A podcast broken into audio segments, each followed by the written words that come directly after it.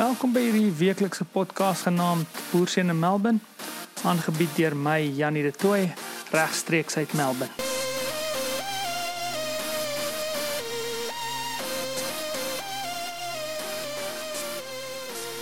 Haai en ek hoop nie daar was iemand wat ehm um, die laaste jaar lank gewag het vir hierdie tweede episode nie. Want dit is nou ehm um, vandag, miskien omtrent presies 'n jaar terug dat ek 'n poging aangewend het om 'n podcast te begin. En ehm um, ja, toe van hierdie week het daar so 'n paar dinge in Melbourne gebeur met my. En ehm um, ek het ehm um, besluit vir myself dat ek ehm um, bietjie met julle ons gaan gesels daaroor. Ehm um, ek dink daar's 'n paar dinge wat 'n ou kan leer oor Melbourne. Daar's 'n paar dinge wat 'n ou kan lewe leer oor ehm um, die lewe. En dis kom ek graag ehm um, hierdie podcast maar uh, uh, net laat hardloop en ek en laat ek sommer uh, met die met my voet in die deur val. Ehm um, ek het um, hierdie week het daar 'n paar dinge met my gebeur gisteraand het ek en my vrou en my kinders ehm um, uh, bietjie verder gelees uit Genesis uit. Ons het so rukkie terug besluit ons gaan ehm um, in Genesis begin en en van Genesis 1 af die Bybel probeer lees en en spesiaal Genesis en en miskien Deuteronomium so 'n paar van die Bybelboeke net om die stories weer die stories te hoor, die stories van oud. Want ehm um, ons as kinders het ons die stories altyd gehoor op ehm um, jy weet in die Bybel in die in die kinderbybel gelees en by die sonnaarskool gehoor en ons het nooit ehm um, daar's baie dinge daar wat daar is wat ek nou raak lees wat ek nooit raak gelees het nie wat ek nooit geweet het eers ehm um, daar was nie. En so gisteraand toe lees ons in om by hierdie storie aan te sluit. Ehm um, lees ons uit Genesis 23 vanaf vers 1 af. En dit is 'n stukkie waar Abraham 'n uh, 'n begrafplaas koop want ehm um, Abraham het nou 'n seun gehad. En Sara en hy was baie oud gewees uh, om presies te wees. Ek dink Sara was 127 jaar oud toe sy ehm um, oorlede is en en die storie gaan so dat Abraham 'n stukkie grond wou koop ehm um, wat toe opeindig is belonk om haar te begrawe en dan ook 'n begrafplaas te wees. Daar was 'n klomp mense in sy groep. Ek dink hulle was bietjie meer as 300 op 'n stadium wat ek gelees het en en ehm um, en so ek skat uit maar seker gedink ek gaan 'n begrafplaas koop vir die hele klomp mense as as iemand sou doodgaan. En ehm um, Da om aan te sluit by hierdie begrafplaas storie het my laat dink aan wat alles met my gebeur het hierdie week. Ehm um, So dis is drie belangrike dinge wat ek met jou wil deel. So kom ons praat bietjie oor Melbourne. Ek en ek en my ehm um, dogter het aan 'n dag bietjie met die honde gaan stap. En ehm um, net so miskien 3 strate van my af is die Princess Hill begrafplaas net so noord van die stad in Melbourne. Baie baie mooi ou begrafplaas uh, vol ou groot grafstene, ehm um, hoë uh, palisade, heininge. Ehm um, lekker plek om in die honde te gaan loop. En anders daar sê net maar in Suid-Afrika soos wat ons in Suid-Afrika was wat jy nie nie eens meer wil waag aan die begrafplaas gedurende die dag nie. Ehm um, anders daar is daar is dit is dit redelik veilig hierso in in in Melbourne in die begrafplaas. Daar's se mans en vrouens wat daar met fietsse deurry om kort pad te vat en ehm um, die paai is geteer, die gras is mooi groen. Plek is mooi in stand gehou. En ehm um, so nou en dan gebeur daar iets sleg in 'n begrafplaas waar vrouens alleen loop, maar ek en my dogtertjie het gaan loop met die met die ehm um, met die honde en so toe het ek en sy 'n bietjie gesels. Ehm um, en ek het net vir haar weer verduidelik want ek dink vandag se kinders het nie 'n idee nie. Ehm um, ek het daar 'n bietjie verduidelik van hoe my pa hulle geglo het 'n mens moet 'n begrafnisboekie hê. En so my pa was op die spoorweg gewees En so het ons deur die spoorweg het ons almal 'n begrafnisboekie gehad toe ek 19 geword het, vertel ek toe my dogter dat uh, my ma al gesê het nee, kyk jy moet nou jou eie begrafnisboekie uitneem en laat my help tot ek werk gekry het. En ehm um, toe ek en my vroutjie toe trou toe het ehm um, ek haar op die begrafnisboekie gesit um, op my ma se maaning. My ma het geweet En so het 'n ouma altyd jouself voorberei vir die dag wanneer daar iemand moet begrawe word, ehm um, deur hierdie R10 of R9 of R8, ek kan nie onthou nie, te betaal. Ek het van gesê ek het presies 20 jaar lank aan daai begrafnisboekie gebetaal voordat ek Melbourne toe getrek het. En dit was toe een van die dinge wat ek van toe moes ontslaa raak want ek seker hulle sou nie vir 'n begrafnis hierdie kant betaal het daai uit Suid-Afrika uit nie. As ek 'n bietjie die rowwe sommetjies doen het ek vir gesê dis dis hou vat R10 'n maand, kom ons sê dit as ek en jou ma R20 'n maand ehm um, oor oor 'n jaar. Dan kyk 'n ou so na 240, kom ons noem dit R250 en ehm um, daai R250 maal met 10 is R2.500 rand, so wat R5000 wat ek spandeer het um aan begrafnisboekie. En toe nooit kon daai begrafnisboekie gebruik nie. Maar maar ou het dit want dit is in geval jy moes vir iemand um begrawe. En so toe ek ek en sy 'n lang geselsie in die begin van die week gehad oor oor oor dit en sy het vir my gelag want R5000 is natuurlik net 500 dollar. En met 500 dollar kan jy um, nie baie doen hierso in Melbourne nie. Ehm um, so dis min geld ehm um, in terme. En so toe later in die week gebeur daar toe 'n ander ding. Ehm um, ek en my vrou het een aand gaan stap toe met die honde. En soos ons toe met die honde stap, het ons ehm um, uh besluit, luister die begrafplaas se hek is oop. Kom ons gaan loop bietjie in die begrafplaas. Dit was 'n uh, stuk donker geweest. Maar maar die stad sit so aan die agterkant van die begrafplaas en so ou voel nooit onveilig nie.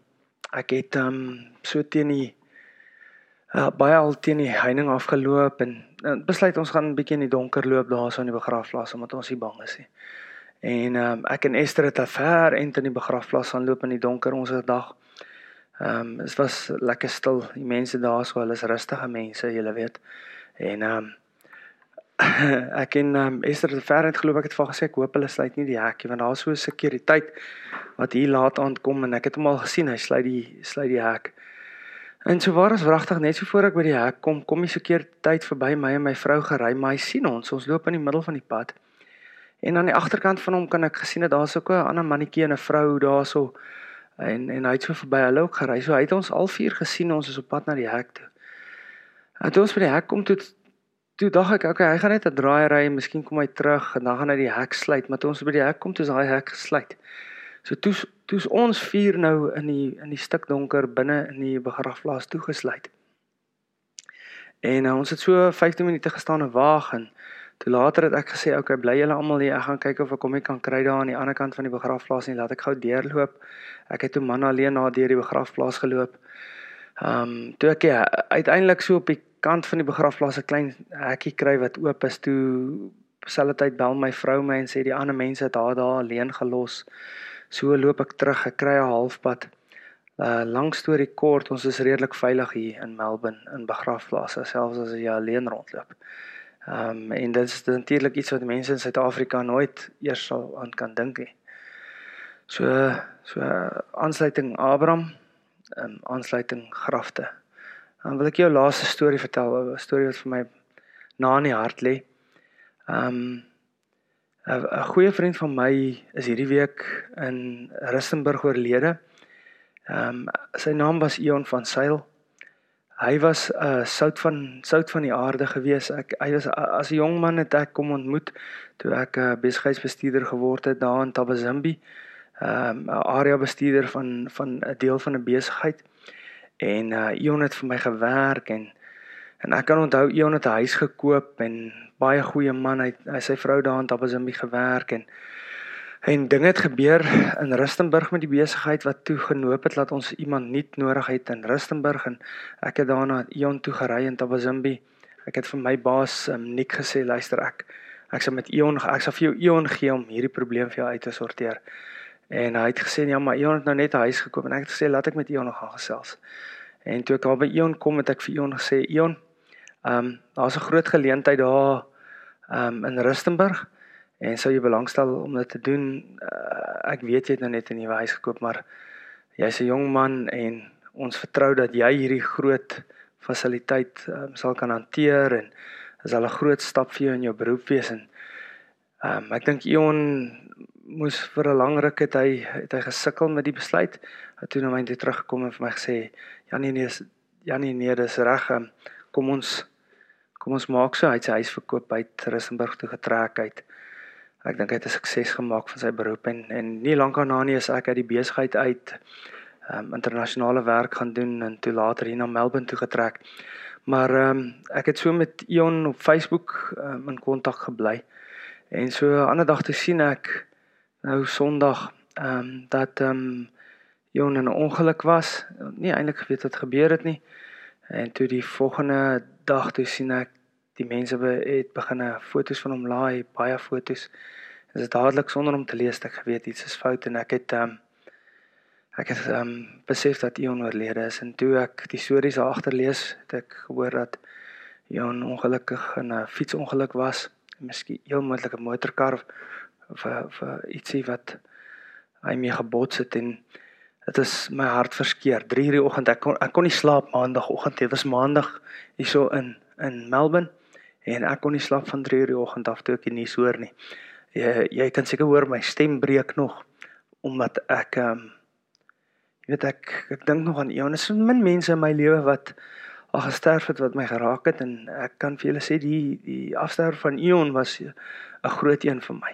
Ehm um, sou iemand gewees het wat mense gedink het na jou tot sterwe sou kom, en nie iemand wat ehm um, voor jou sou tot sterwe sou kom nie, soos 'n seun.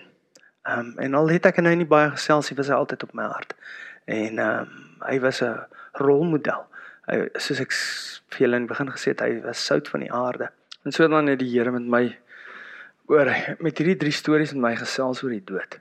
En ehm um, ek my dogter wat daar geloop het, ek wat aan daar praat oor die dood. Maar ek en my vrou wat in die begrafplaas toe gesluit is, wat in die donker daar rondloop. Ehm um, en Ion se sterwe. Was die Here wat vir my gesê het hierdie week dat ek moet besef dat hierdie lewe is nietig. En ek dink so met enige iemand wat tot afsterwe kom, is daar 'n boodskap vir almal om hulle, of hulle nou Christene is of hulle nie Christene is nie. En hier in Melbourne het ek baie mense wat om my is wat afsterwe nie. Ek kan nie meer na my vriende se begrafnisse toe gaan nie en ek kan nie by mense uitkom wat tot 'n wat wat 'n begrawe word nie en so is vir my moeilik om om daai konsep te bly hou en ek dink hier in my gesels hierdie week om vir my te sê luister Ehm um, Janie, jy moet verstaan dat die lewe wat jy lewe is nie die belangrike ding um, elke elke dag nie. Want hierdie lewe wat jy lewe is 'n ding wat einde gaan hê. En so hierdie dinge wat in jou lewe is wat jy dink belangrik is, is nie belangrike dinge nie. Daar's soveel meer aan die lewe wat belangrik is. Ehm um, as om net die lewe te lewe wat jy tans lewe. En so my vriend, ek wil ek wil vandag bietjie met jou net kom gesels en vir jou ook sê dat ehm um, ek hoop dat die stories wat ek jou vertel jy ook bietjie idee kry. Ehm um, dat dit tyd is om net so vir 'n oomblik stil te staan en jou lewe te assesseer. En vir jouself te vra watter van hierdie dinge wat hier voor my is, wat wat my dag opmaak. Watter een van hierdie dinge het ek nodig en watter een van hierdie dinge het ek nie nodig nie? Wat maak saak en wat maak nie saak nie? En en vir jouself te kyk wat om jou lewe aangaan en vir jouself te besluit um wat kan jy doen om jou lewe beter te maak? En so dan ook so, um niemand sleg te sê nie want ek weet daar's baie mense wat nie na Melbourne of na Australië toe te kan trek nie en so laat mense ook nie vir my moet kwaad word ehm um, as ek dit as ek dit vir jou sê nie. So het ek en my vrou ook tot 'n punt gekom dat ons in Suid-Afrika vir onsself gesê het dis tyd vir ons om aan te beweeg. En dis tyd vir ons om te beweeg na 'n plek toe waar daar 'n toekoms vir ons kinders is en 'n toekoms vir onsself is. Afval. Baie dankie. Dit was dan jou boerseun Janie de Tooi. Sommige lekker saam met jou gekuier vandag en sien jou weer volgende week op dieselfde plek.